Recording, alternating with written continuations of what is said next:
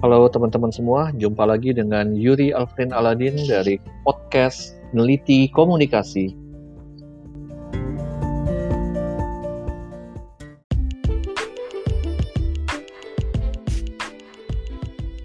Halo teman-teman semua, baik eh, kita akan mulai pembahasan kali ini adalah mengenai masalah media online.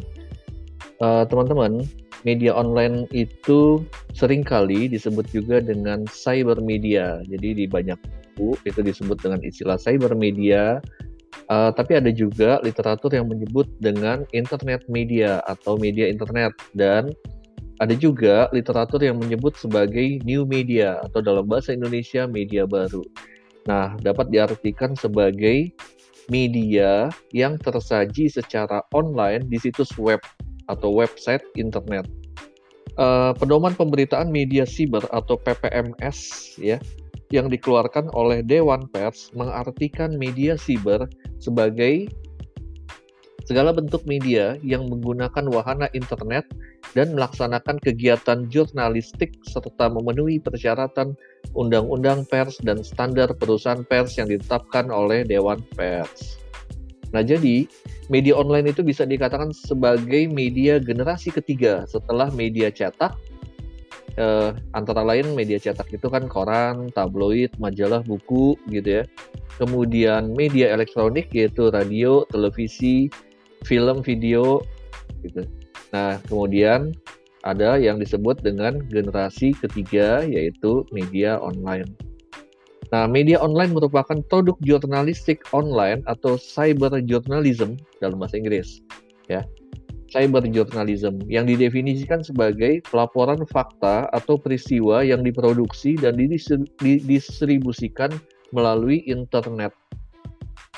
Dalam perspektif studi media atau komunikasi massa, media online menjadi objek kajian teori media baru atau new media yaitu istilah yang mengacu pada permintaan akses ke konten, isi atau informasi kapan saja, di mana saja, dan pada setiap perangkat digital serta umpan balik pengguna interaktif, partisipasi, partisipasi kreatif, dan pembentukan komunitas sekitar konten media, juga aspek generasi real time. Jadi banyak ya kalau dalam perspektif studi media atau komunikasi massa. Oke, okay Uh, berikutnya, new media juga merupakan penyederhanaan istilah atau simplifikasi terhadap bentuk media di luar lima media masa konvensional. Apa sih yang disebut dengan lima media masa konvensional? Antara lain televisi, radio, majalah, koran, film, gitu ya. Sifat media, sifat new media adalah cair, kemudian uh, sifat lainnya konektivitas individual dan menjadi sarana yang membagi peran kontrol dan kebebasan. New media merujuk pada perkembangan teknologi digital, namun tidak serta-merta berarti media digital gitu ya. Video, teks, gambar, grafik yang diubah menjadi data digital berbentuk byte hanya merujuk pada sisi teknologi multimedia. Uh, salah satu dari tiga unsur dalam new media selain ciri interaktif dan intertekstual. Nah, kemudian beralih kita kepada jenis-jenis media online. Secara teknis atau fisik, media online adalah media berbasis telekomunikasi dan multimedia. Termasuk kategori media online adalah apa tuh? Portal, website. Website itu misalnya situs web termasuk blog, media sosial Facebook, Twitter gitu ya. Kemudian radio online, TV online, email dan sebagainya hal yang menjadi objek kajian dalam pembahasan ini, ya, pembahasan perkuliahan ini adalah media online sebagai website utamanya adalah website berita atau yang sering disebut sebagai news online media atau juga portal berita. Karena situs media merupakan media online yang paling umum diaplikasikan dalam praktik modern dewasa ini.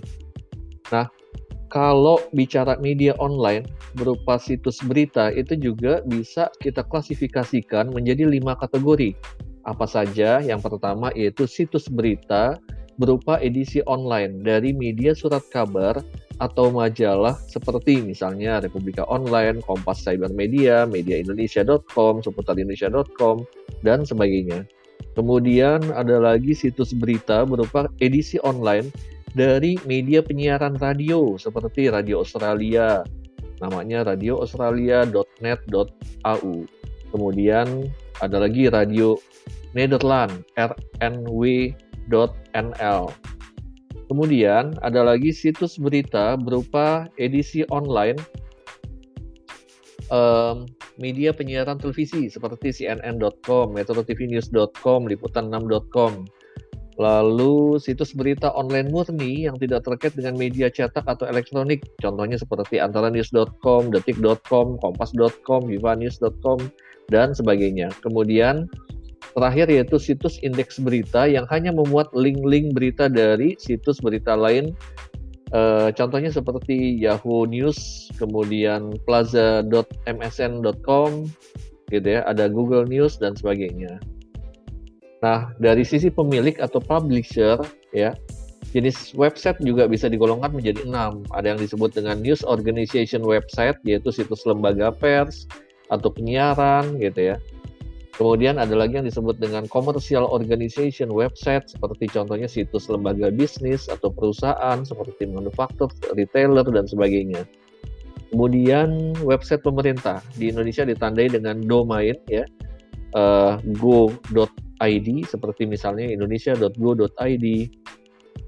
Kemudian ada lagi website kelompok kepentingan interest group termasuk website ormas, parpol, LSM, Lalu ada website organisasi non-profit seperti lembaga amal atau grup. Kemudian ada lagi personal website seperti contohnya blog.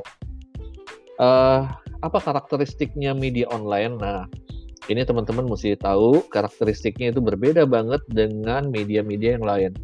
Karakteristik sekaligus keunggulan dari media online dibanding dengan media konvensional. Media konvensional kan cetak dan elektronik ya.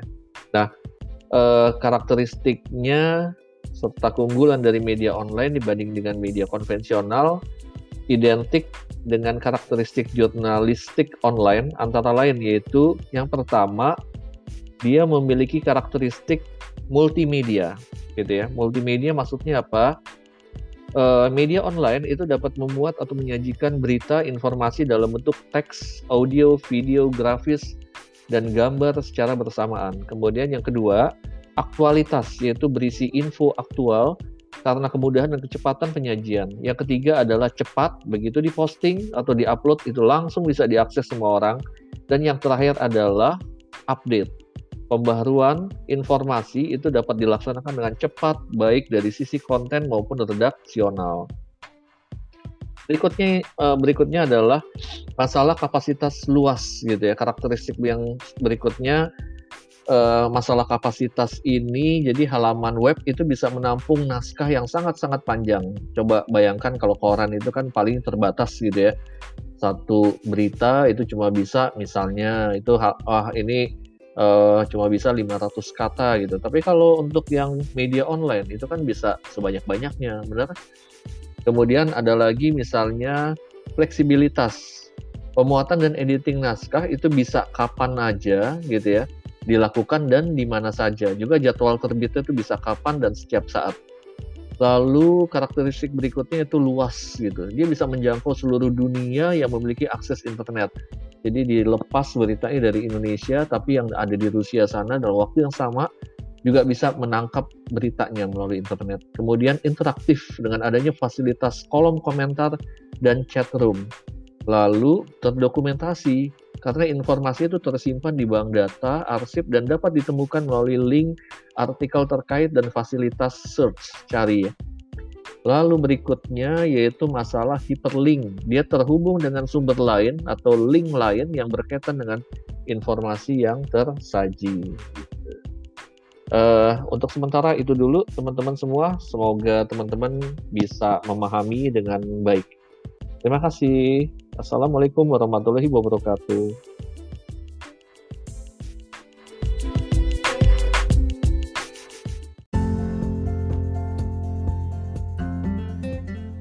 Teman-teman semua, semoga materi yang tadi saya jelaskan dapat dipahami dengan baik. Dan saya harapkan teman-teman semua uh, mencoba untuk membaca dari literatur juga gitu ya.